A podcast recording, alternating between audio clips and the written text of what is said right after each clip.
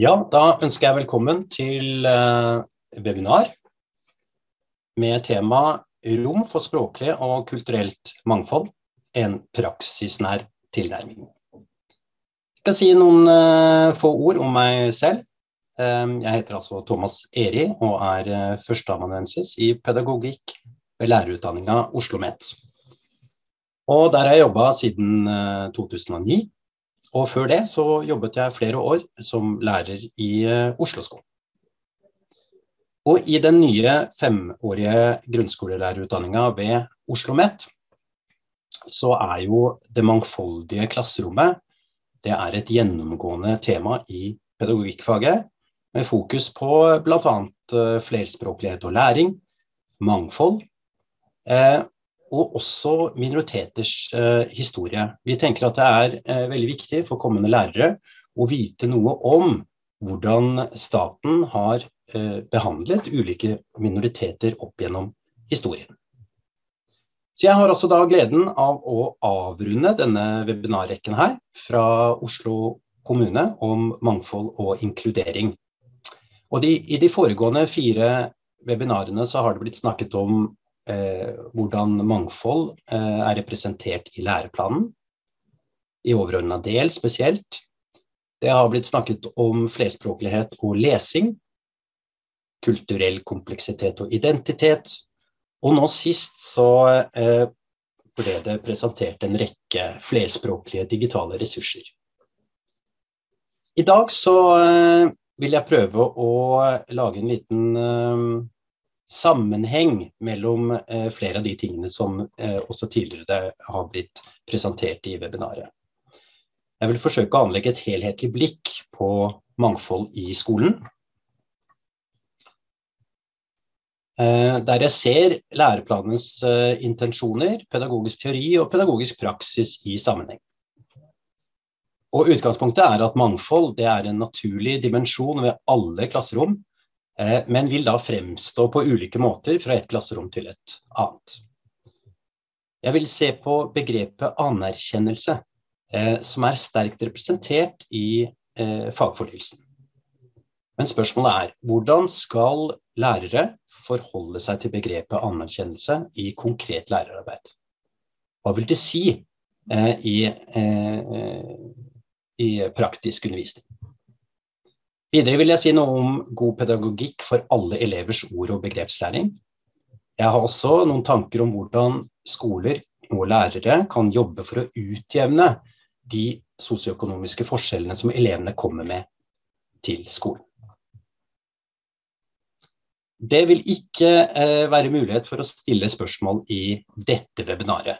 Men webinaret er lagt opp sånn at det er eh, muligheter for å være interaktiv. Altså jeg kommer til å stille dere noen spørsmål, eh, noen caser, som dere eh, eh, Sånn at dere kan bidra litt.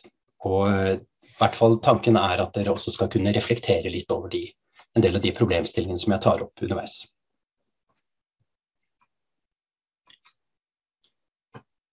Så spørsmålet er hva er god pedagogikk for det mangfoldige klasserommet? I de foregående webinarene så har det vært sagt noe om det. Eh, så hvor finner vi svaret på et sånt spørsmål? Er det i det erfaringsbaserte? Skal vi spørre lærere som har jobbet i skolen i 30 år? Eh, hva kan de si på et sånt spørsmål? Helt sikkert mye fornuftig.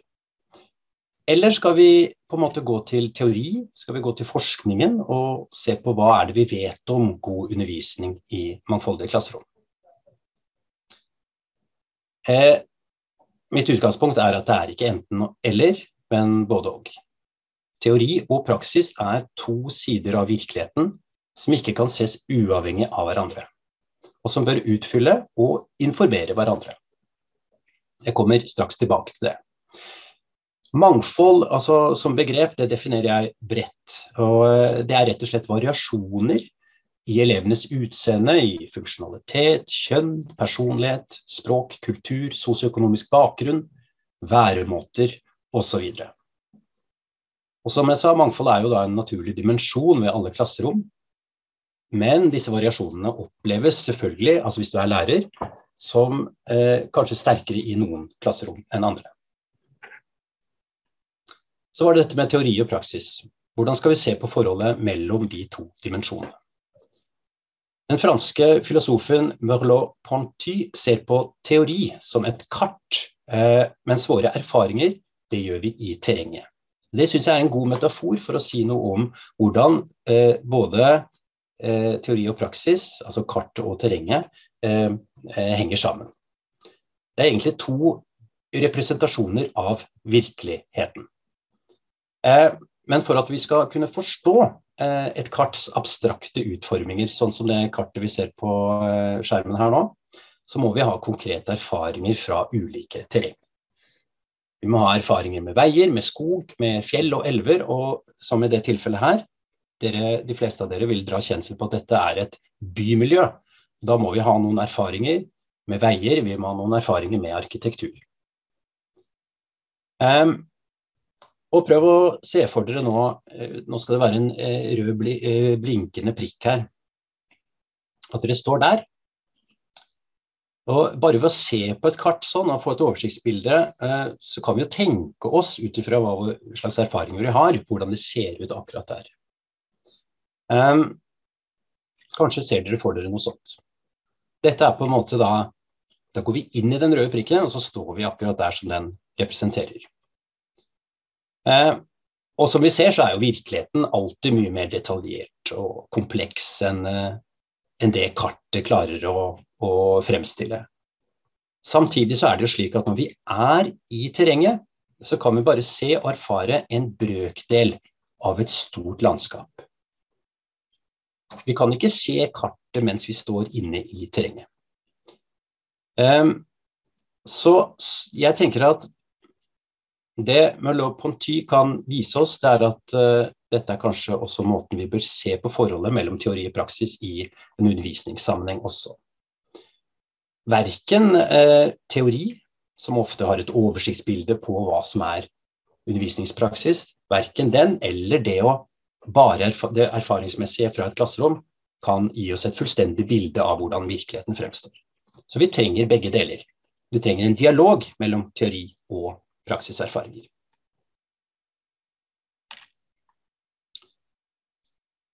Og en teori er jo da sann helt til den kan falsifiseres.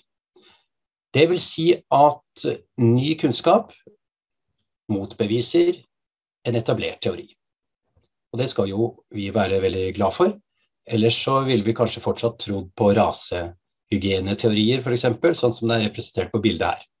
Det vil si da teorier som sier noe om at noen raser er overlegne andre.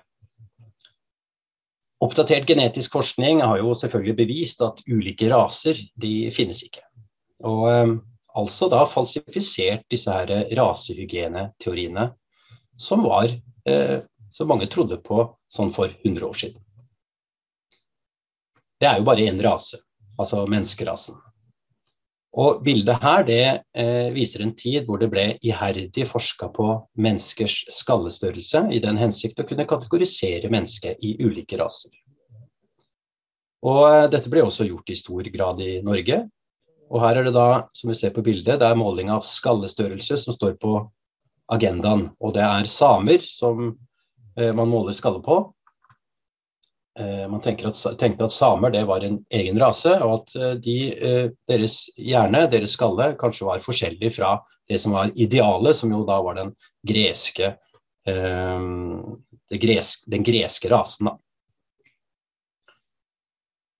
I dag så kan vi kanskje le litt av dette, men dette var blodig alvor den gangen. Og så Derfor vet vi at oppfatninger om at det finnes ulike raser, er helt og holdent et kulturelt og et uh, sosialt konstruert fenomen. Det finnes ikke i virkeligheten. Ulike hudfarger, derimot, det finnes. Og at det er flere mennesker med lys hudfarge mot nord, det vet vi i dag skyldes tvers igjennom en tilpasning over tid til mindre sollys. I utgangspunktet så er vi jo da alle et blandingsprodukt med opprinnelse i Afrika. Uh, og over tid så har jo genene våre blitt rotet fullstendig sammen. Uh, og det er sånn at du kan ha mye mer genetisk til felles med en person på andre siden av kloden enn du har med en person i nærmiljøet ditt.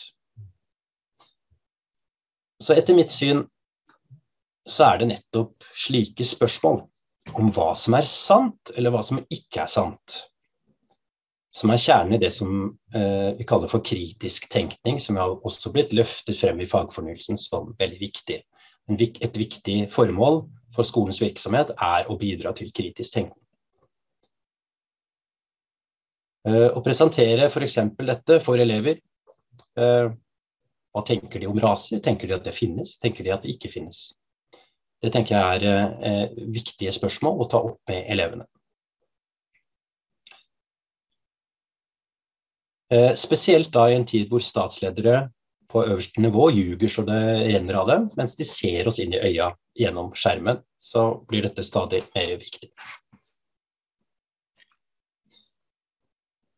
Eh, vi trenger teori. Vi trenger ikke rasehygieneteori den har jo blitt falsifisert, den er falsk. Men vi trenger kanskje oppdatert teori for å forstå hva som ligger i enkelte begreper som løftes frem i fagfornyelsen. Hvis ikke så står jo disse begrepene i fare for bare å bli honnørord i læreplanene, uten at de har betydning for konkret lærerarbeid i klasserommet. Eh, typiske begreper i fagfornyelsen er jo sånn som dybdelæring og kritisk tenkning, som jeg nevnte livsmestring, inkludering, tilpasset opplæring osv. Og, så er det et begrep til som uh, vi kan se her. Det er uh, anerkjennelse. Det er kommet inn i, uh, i læreplanene, og her har jeg sakset noe ut fra overordnet del under kapitlet om et inkluderende læringsmiljø. Og Her står det at eh, når vi selv opplever å bli anerkjent og vist tillit, lærer vi å verdsette både oss selv og andre. Elevene skal lære å respektere forskjellighet og forstå at alle har en plass i fellesskapet. Hver elev har en historie med seg, og de har håp og ambisjoner for fremtiden. Når barn og unge møter respekt og anerkjennelse i opplæringen, bidrar dette til en opplevelse av tilhørighet. Ehm, la oss se nærmere på dette begrepet anerkjennelse. For hva vil det si eh, å drive med en anerkjennende undervisningspraksis? Eh, og For at anerkjennelse ikke skal bli et begrep som vi overlater til alle som driver med undervisningspraksis eh, selv å definere, så kan vi på en måte prøve å se om det finnes noen teori som kan bidra til å gi oss en, en, litt mer utvidet forståelse av hva anerkjennelse egentlig er. Og Fagfornyelsen refererer jo ikke til noen spesiell filosof eller forsker når den peker på at anerkjennelse er en nødvendig dimensjon ved inkludering av alle elever i skolen. Men eh, det finnes en tysk sosialfilosof som heter Axel Honneth, eh, som kan gi en god innsikt i hva anerkjennelse betyr for hver enkelt av oss og for samfunnet. Han beskriver tre nivåer eller områder ved våre liv i samfunnet der anerkjennelse er viktig. Først på et individuelt, psykologisk og emosjonelt nivå, um, som han kaller kjærlighet. Og anerkjennelse da, eh, på dette nivået, det er jo da i den private sfæren og i nære relasjoner. Altså det er en type anerkjennelse som oppleves først og fremst på et emosjonelt eh, nivå. Eh, og sunne relasjoner til andre, nære relasjoner til de viktigste menneskene rundt deg, det bidrar til det som vi kaller for selvtillit. Det er faktisk helt nødvendig, altså en forutsetning for at du utvikler en form for selvtillit. Uh, du, altså selvtillit, altså troen på at du kan få til ting. Uh, men også troen på at andre kan få til ting. og at du utvikler tillit også til andre ikke bare deg selv. Så selvtillit handler om å ha tillit til seg selv, men også tillit til andre. Så selvtillit er altså da definert som en eh, sunn innstilling til egne og andres behov og følelsesliv. Og selvtillit er jo da noe som vi ikke er født med, eh, men et resultat av sunne relasjoner til andre som starter allerede i spedbarnsalder. Så det er ett område av anerkjennelse som vi skal tenke på som lærere. Altså, det er jo en viss form for altså Her tenker jo eh, Håndhet ikke på kjærlighet som først og fremst mellom eh, to personer som elsker hverandre, eh, men også i form av dette her med den relasjonelle tilknytningen elevene imellom, og som lærer også har til elever. Et annet område for anerkjennelse som det er viktig å tenke på, er dette med respekt. Og Det er en form for anerkjennelse som vi som mennesker forhåpentligvis kan oppleve innenfor institusjoner, sånn som skolen. Eh, gjennom da å bli møtt med respekt, gjennom å bli møtt som en likeverdig part. Og eh, det er også sikret ved noen juridiske rettigheter. Eh, sånn som eh, opplæringslova og læreplanene har noen føringer på hva slags rettigheter som elevene har i skolen. Eh, og de har bl.a. en rettighet for å oppleve eh, eh, undervisning som er basert på deres forutsetninger. Altså en form for likeverdighet. Og anerkjennelse, altså hvis man opplever dette, så bidrar det til selvrespekt og også et moralsk ansvar. Hvis du opplever at institusjonene som du er en del av, har viser deg respekt, viser deg eh, en form for anerkjennelse, så vil du også eh, kanskje også eh, tenke at du har et moralsk ansvar innenfor det fellesskapet, men også bidra i fellesskapet. Eh, og dette med selvrespekt, det handler også om eh, å behandle andre på en likeverdig og respektfull måte. Det du gjør mot andre, det gjør du også mot deg selv.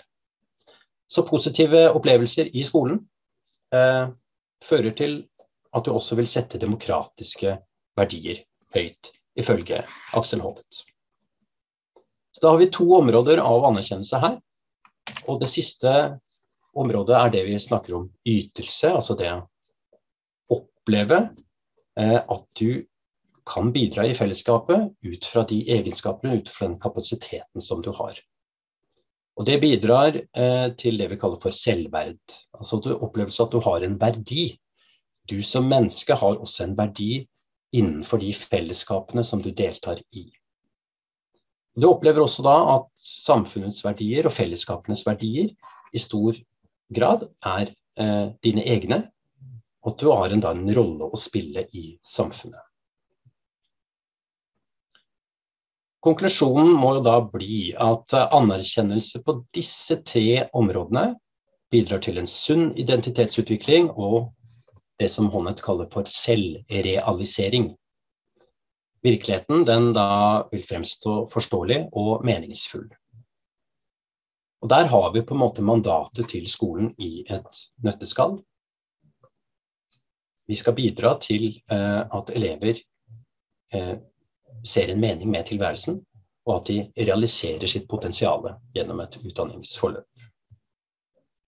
Vi vet jo det at vårt behov da, for anerkjennelse på disse tre områdene, eh, anerkjennelse på et emosjonelt nivå, på et kognitivt nivå og på et sosialt nivå, det er ekstremt sterkt. Det er en ekstremt sterke drivkrefter i oss som mennesker. Det er så sterkt at vi omtrent er villige til å tro på hva som helst for å oppleve at vi blir anerkjent. Så hvor går vi hvis vi ikke får anerkjennelse der vi er? Hvis vi ikke opplever sunne tilknytninger i de tidlige barneåra, men utrygge relasjoner, hvis vi ikke opplever å bli behandlet med respekt innenfor de institusjonene vi er en del av, verken i skole eller senere i arbeidsliv, eh, ja, da vil vi søke andre typer fellesskap. Og det kan jo også da være med å forklare selvfølgelig hvorfor eh, noen velger type ekstreme fellesskap som står utenfor samfunnet, altså f.eks. nynazistiske miljøer eller eh, ulike religiøse sekter. Så at vi i skolen eh, har et stort ansvar for å eh, sørge for at alle elever som vi har, har muligheter til å oppleve anerkjennelse. Det er ingen tvil om at det er en av kjerneoppgavene til skolen.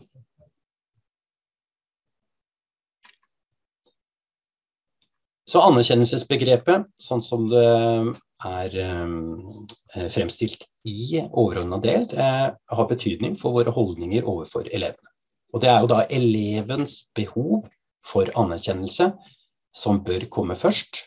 Eh, ikke kommuner eller enkeltskolers behov for å få anerkjennelse gjennom å vise til at de har bedre elevprestasjoner på nasjonale prøver f.eks. enn andre skoler eller kommuner. Så jeg begynner å klø litt i kroppen når jeg ser, eller har tidligere sett, at det er opptil ganske mange kommuner som på en måte har et slags motto om at de skal bli Norges beste skole. For det har veldig lite med eh, pedagogisk praksis for anerkjennelse å gjøre. Konkurransementalitet har lite med god pedagogikk å gjøre.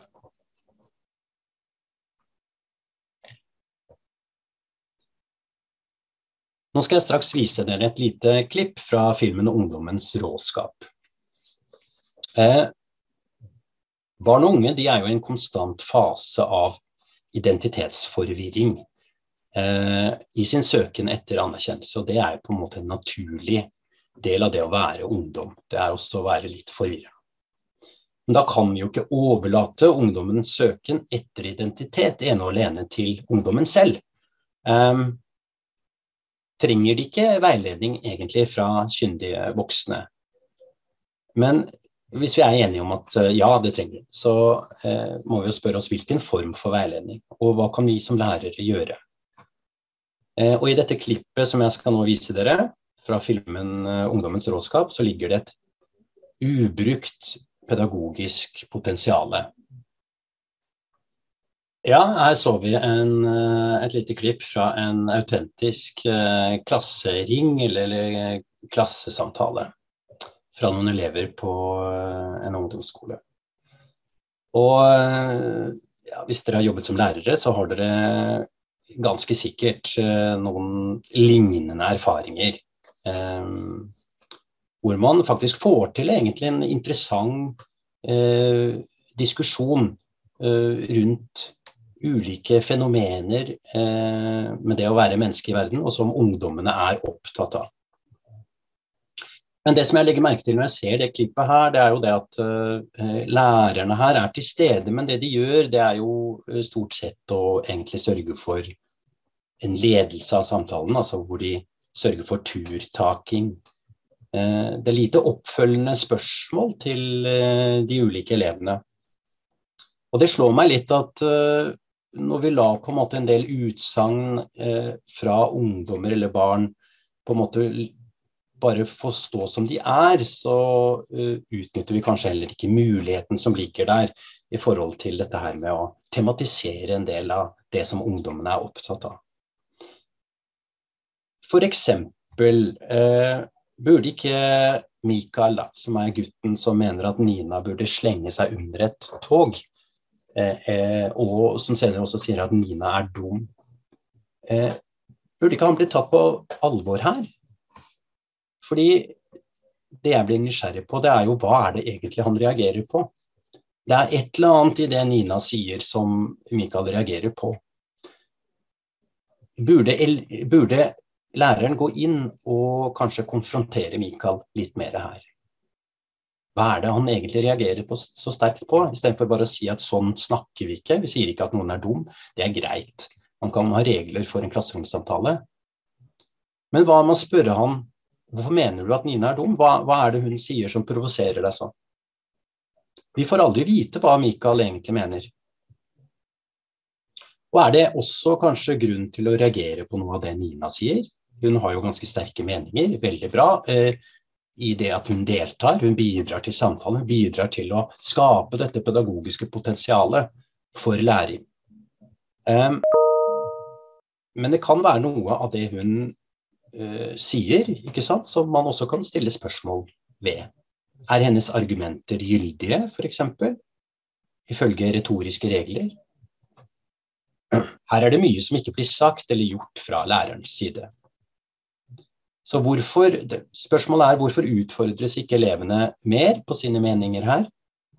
Er det ikke vår oppgave som veiledere og som lærere å få elevene til å reflektere over gyldigheten i ulike utsagn, bidra til kritisk tenkning, også i forhold til det å være litt selvkritisk i forhold til egne meninger. Da er vi inne på dette med konflikt. noen vil kanskje se på dette klippet og så tenke at ok, her er det konflikter mellom ungdommene. Men jeg ser det ikke sånn. Jeg ser egentlig mer på det som Dette er en gjeng med ungdommer som er søkende. Eh, og ja, de har et litt røft språk. Men, eh, men, eh, det er ikke sikkert at vi skal se på denne konflikten som noe som eh, vi ikke ønsker. Um, fordi at uh, Altså dette her med ulikheter og forskjellighet uh, fremstår ulikt fra et klasserom til et annet. Og den flerkulturelle dimensjonen uh, kan oppleves sterkere i noen klasserom. Også da som spenninger mellom elevene, sånn som vi så i dette klippet her. da. Og barn og unge er i en pågående identitetsutvikling der de prøver å definere og realisere seg selv. Og Det innebærer jo også å definere hvem du er, og hvem du ikke er. Eh, sånn er det, og vi kan godt tenke at vi skal ønske mest mulig harmoni, og vi skal anerkjenne hverandres eh, eh, meninger og fint og flott, men alle som har jobbet som lærer i et klasserom, vet at det ikke er sånn. Det er konflikter mellom elevene, det er spenning mellom elevene. De definerer seg som forskjellige fra hverandre. Dette er en pågående eh, identitetsutvikling hos de fleste elever. Og de konstruerer forestillinger om hvem jeg er, hvem er gruppa mi, hvem er de andre, de som ikke er en del av gruppa mi.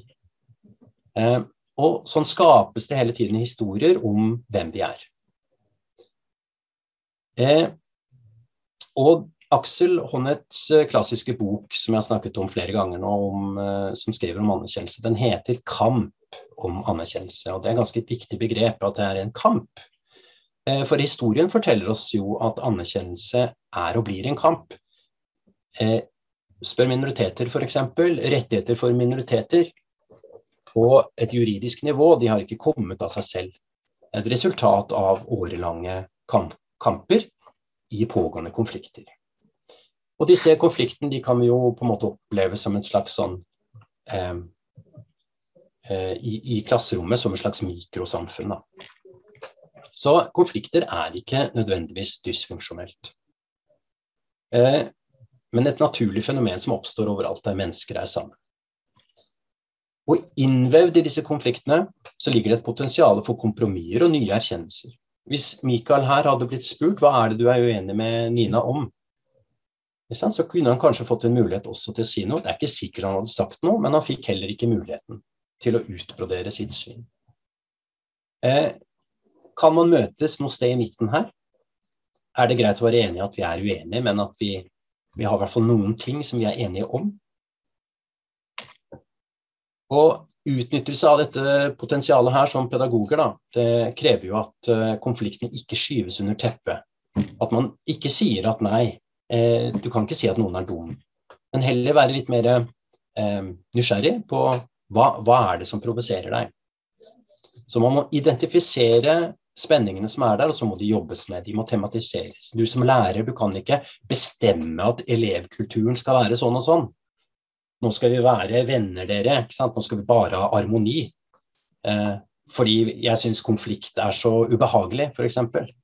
Det kan vi ikke gjøre. Så vi må eh, inn, og så må vi prøve å ramme inn det som elevene er opptatt av.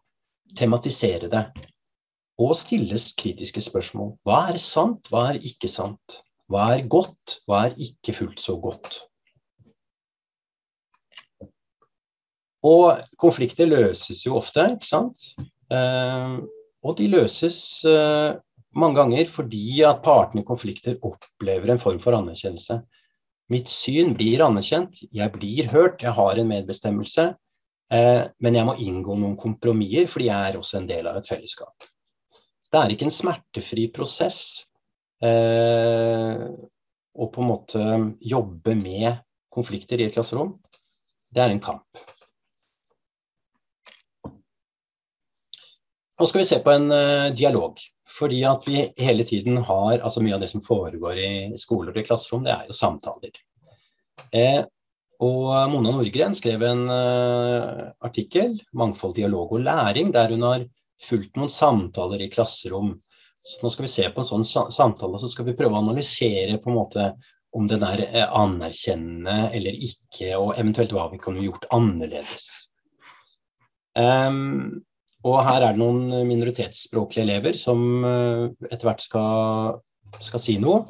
Uh, og med minoritetsspråklig elev her så menes elever som har et annet språk enn norsk som sitt første språk.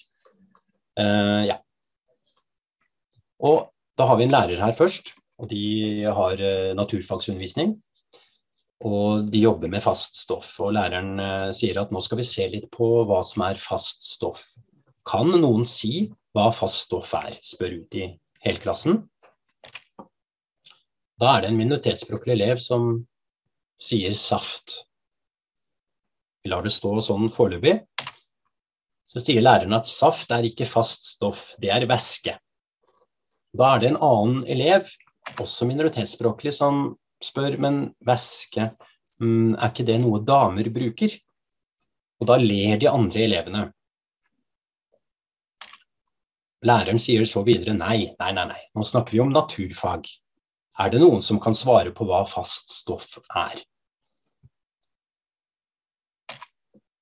Så kommer det en elev til til slutt som sier at eh, stein, det er fast stoff, og læreren sier takk, så fint. Og så går man videre til noe annet. Hva er det som egentlig skjer her? Og Er dette en anerkjennende dialog, og er det et eh, pedagogisk potensial som man går glipp av her? Um, vi kan først se på dette. Hvis vi går litt nærmere inn og ser på hva som foregår i forkant av at denne eleven sier saft. Dette kan jo være en eh, relativt nyankommen elev, kanskje på en måte kanskje vært i Norge i ett år. Fordi at Hvis vi ser på hva læreren sier foran, nå skal vi se litt på hva som er fast stoff. Fast. Fast og saft. Saft og fast. Er det noe med denne eleven at denne eleven opplever at uh, det sier saft her, eller blander begrepet saft med fast? Kanskje eleven ikke vet hva fast betyr. Men det får vi jo ikke vite, for uh, læreren følger ikke opp elevens svar. Minoritetsspråklig 2, elev 2, sier at væske er ikke det noen dame bruker. Og så ser vi jo at læreren i etterkant bare avfeier det svaret sier at nå snakker vi om naturfag. Eh, er det noen som kan svare på hva faststoff er? Og så kan vi tenke at ja, hvis dette var et forsøk fra eleven om å være morsom, så er det kanskje riktig sant, for læreren å bare gå videre og ignorere det. Eh, men i denne situasjonen så var det ikke at eleven prøvde å være morsom. Det var, eh, Eleven hadde ikke noe annet begrep eller begrepsforståelse for væske enn nemlig den, det som damer bruker, men som også selvfølgelig menn kan bruke. Um, så her er det flere innganger. Uh, hvordan læreren kunne ha tatt opp det som eleven sier, kanskje på en annen måte. F.eks. gjennom anerkjennelse så kan man si at vet du hva, det er riktig. Væske er jo noe damer bruker. Det har du helt rett i, og så fint at du sa det. For da også får man også opp betydningen med at væske kan bety flere ting. Så hvis dere jobber som lærere, så ber jeg dere om å liksom gå litt tilbake og tenke litt over hvordan er det egentlig man driver denne type samtaler i klasserommet. Er det fordi, Går vi videre fordi vi hele tiden ønsker å komme frem til et svar som vi har bestemt oss om på forhånd? Tar vi oss tid til å stoppe opp, være litt nysgjerrige på hva de elevene våre spør om, og kanskje også ha en sensitivitet for hva er det egentlig elevene forstår og ikke forstår av begreper som eh, kastes opp i en faglig diskusjon.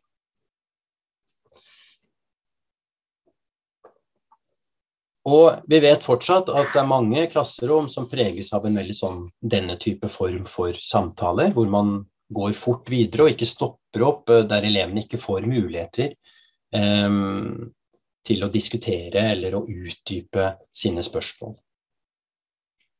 Det er selvfølgelig ikke slik som dette i alle klasserom. Enkelte lærere er jo veldig bevisste på hvordan de stiller spørsmål, eh, og hvordan man inkluderer alle stemmer, og bidrar også til det vi kaller for læringsfremmende dialoger i klasserommet. Hva kan vi utlede av dette? Jo, vi kan si at det er noen grunnleggende prinsipper for anerkjennende dialoger. Um, og jeg nevner fire av dem, f.eks. som vi kan tenke på. da. Og Det er dette med verdsetting. De fleste elevinnspill inneholder muligheter for læring. Eh, revoicing, det betyr gjenta og bygge på elevenes utsagn det tilfellet vi så foran her, så betyr det at å ja, du sier væske, ja. Altså noe som damer bruker. Ja, men det stemmer jo, det. Det er riktig. Sant? Um, eller eleven som sier saft. Saft. Hm, kan du si noe mer om det? Hvorfor tenker du at det er fast stoff? Um, eller i filmen som vi så i stad, 'Fra ungdommens råskap'. Hvis uh, Michael sier at Nina er dum, så kan det hende at du som lærer burde kanskje sagt at eh, ok, du sier at Nina er dum, er jo, da angriper du personen. Men det er tydelig at det er noe du er sterkt uenig i.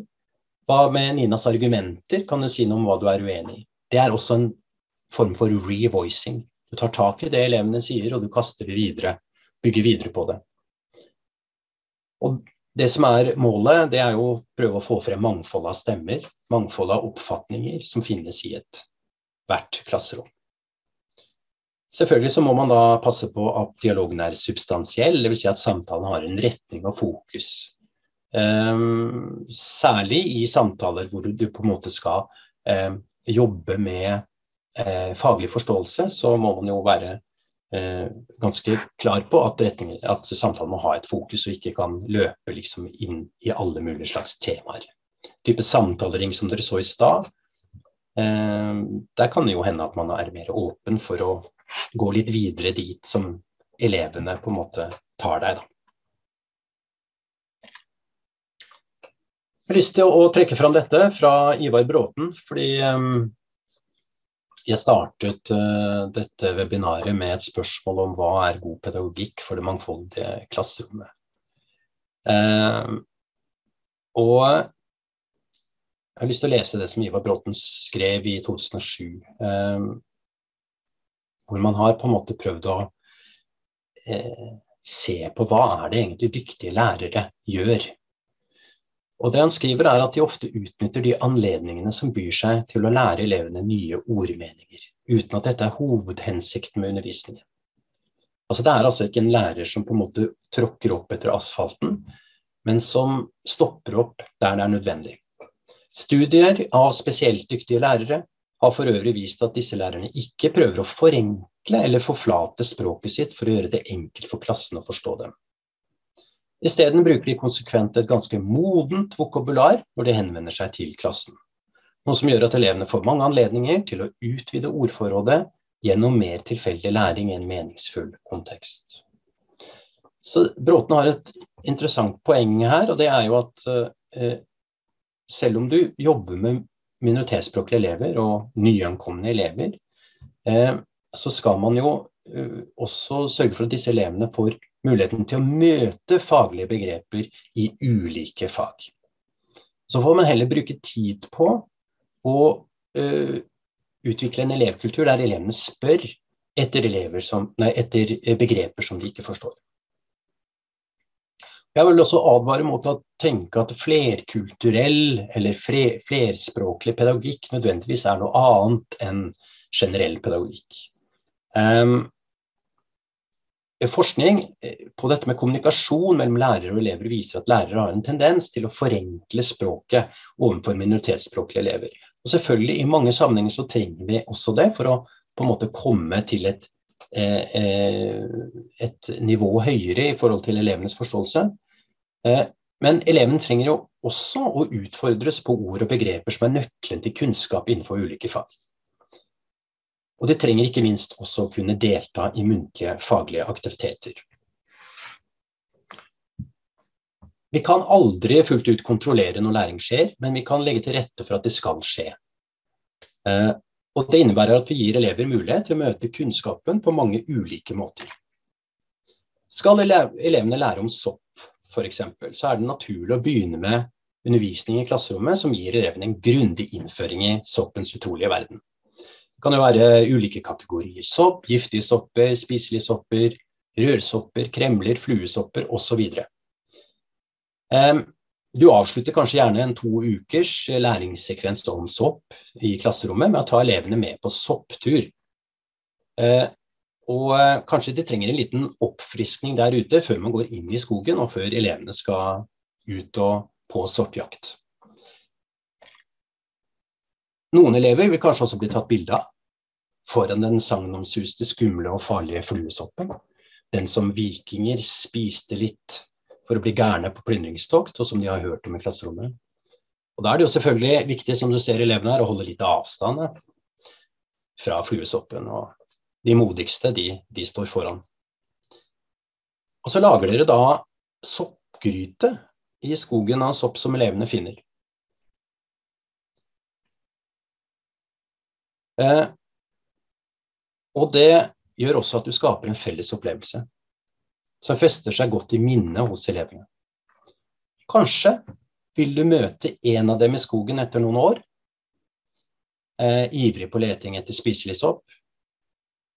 Kanskje det også var en av de som aldri hadde vært i skogen før akkurat denne dagen.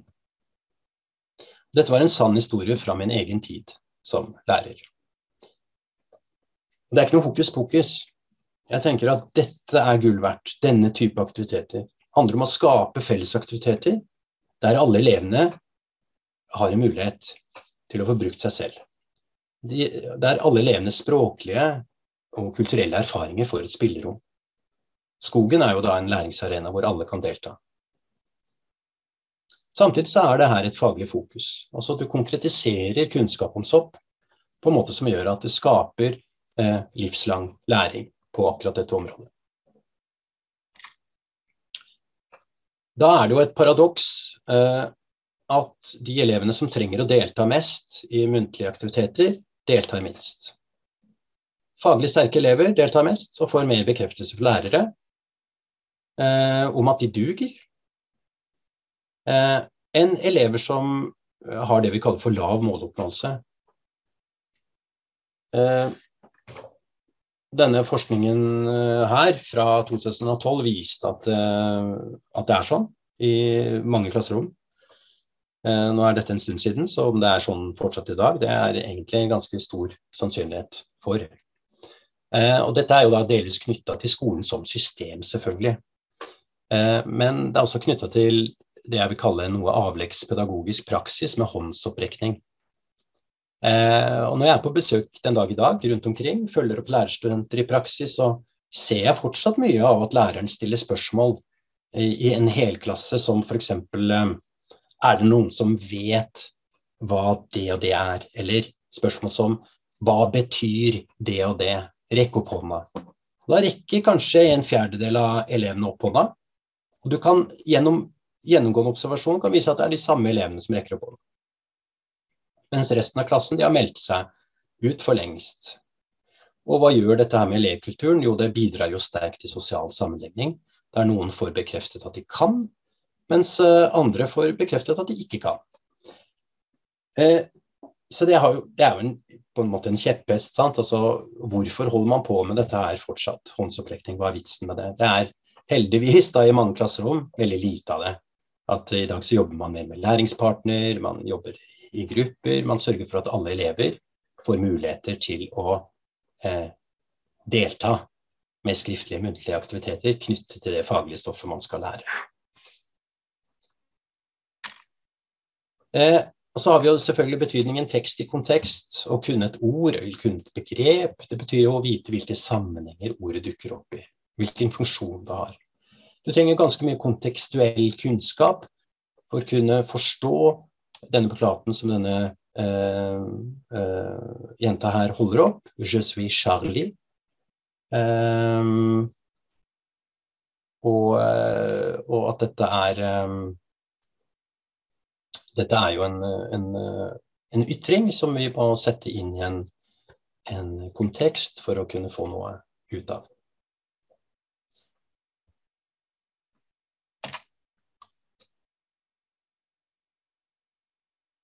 Ja, jeg tror jeg må gå videre eh, hit. Jeg ser at tiden eh, går fort.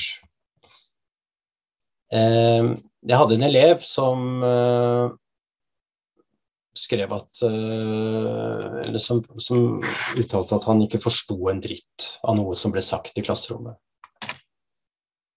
Hvordan er det å ikke forstå en dritt? Jeg var på en, eh, en, forelesning en gang med en person som jeg ikke husker navnet på nå, så jeg håper han, eh, han vil eh, tilgi meg for å bruke eksempelet hans. Men dere kan jo prøve å lese dette her og se om dere forstår det.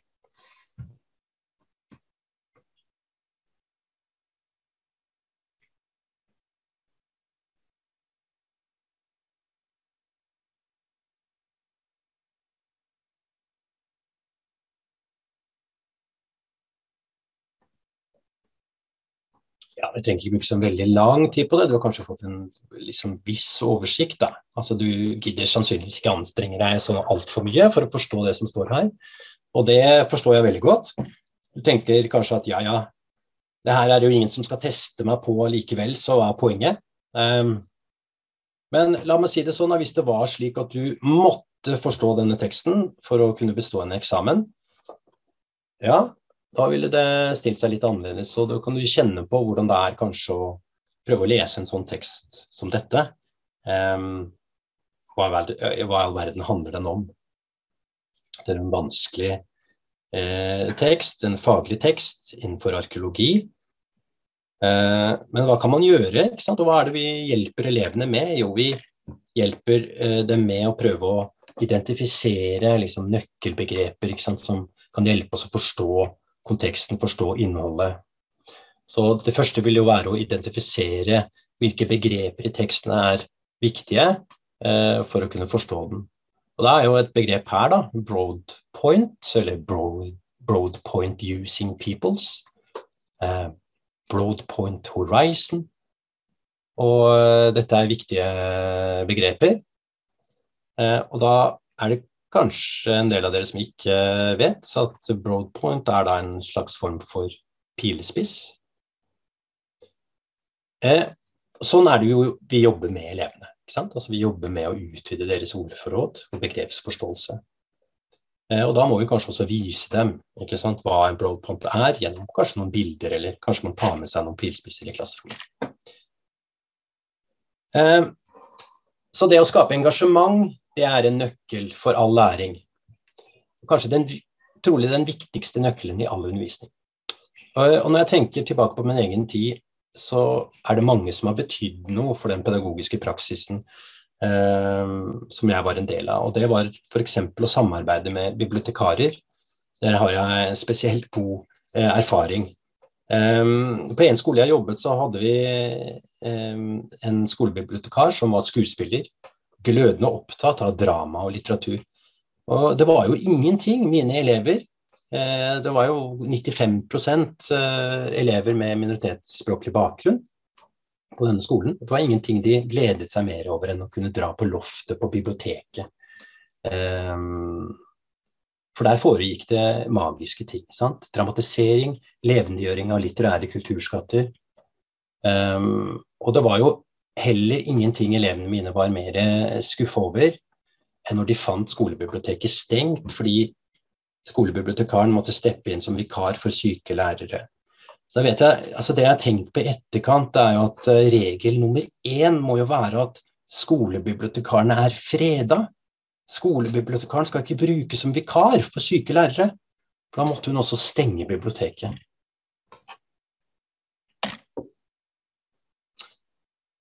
På en annen skole jeg jobba, så var det ikke skolebibliotek, så da ble samarbeid med folkebiblioteket desto viktigere. Og barnebibliotekaren der, eh, på dette sagnomsuste biblioteket i Oslo, hun leste absolutt alt som kom ut av barne- og ungdomslitteratur. Fortløpende mens det ble gitt ut. Så jeg kan spørre dere hvor mange av dere som er lærere her, gjør det.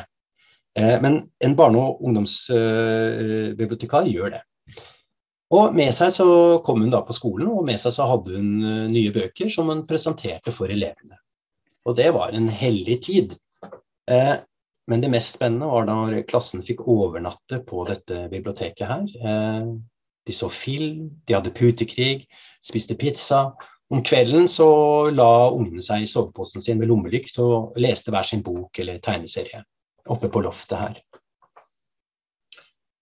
Og i vår mål- og resultatstyrte skolehverdag vil noen trolig spørre, men lærte de noe av dette, da? Og I etterkant så kunne vi registrere at tre av elevene mine, som da ikke hadde brukt biblioteket i det hele tatt, de begynte å frekventere biblioteket ofte utenom skoletiden. De lånte bøker eller bare hang der. De hadde fått en sosial tilhørighet til biblioteket. Og dette var jo da elever som kom fra såkalte bokfattige hjem. Altså de vi virkelig ønsker å stimulere til leseengasjement. Poenget her det er jo ikke at alle skal bli litteraturelskere. Det er jo naivt å tro. Men alle skal i hvert fall få muligheten til å bli det. Det samme gjelder for opplevelsen av kunst, eh, musikk, utstillinger, teater. Vi er nødt til å ta med elever som ikke opplever dette fra eh, hjemme, sånn at de får en mulighet til å oppleve hva det er.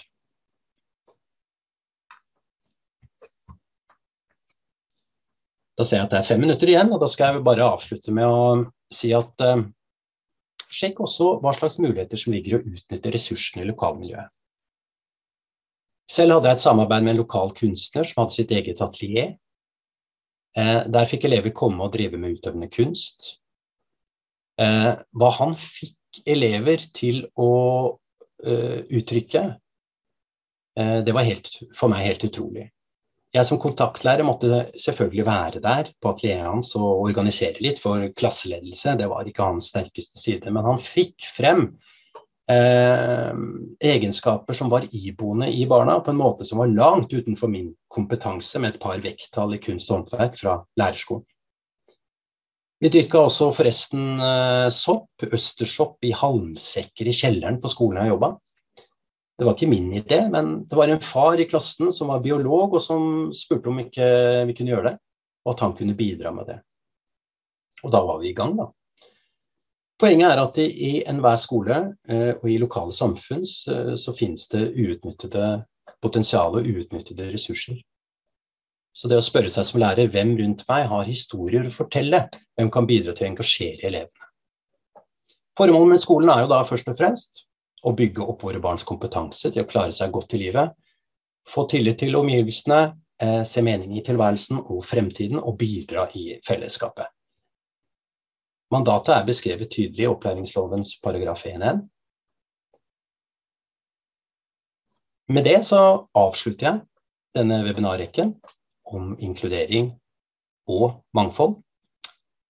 Og da gjenstår det egentlig bare å si ha en riktig god ettermiddag, og takk for meg.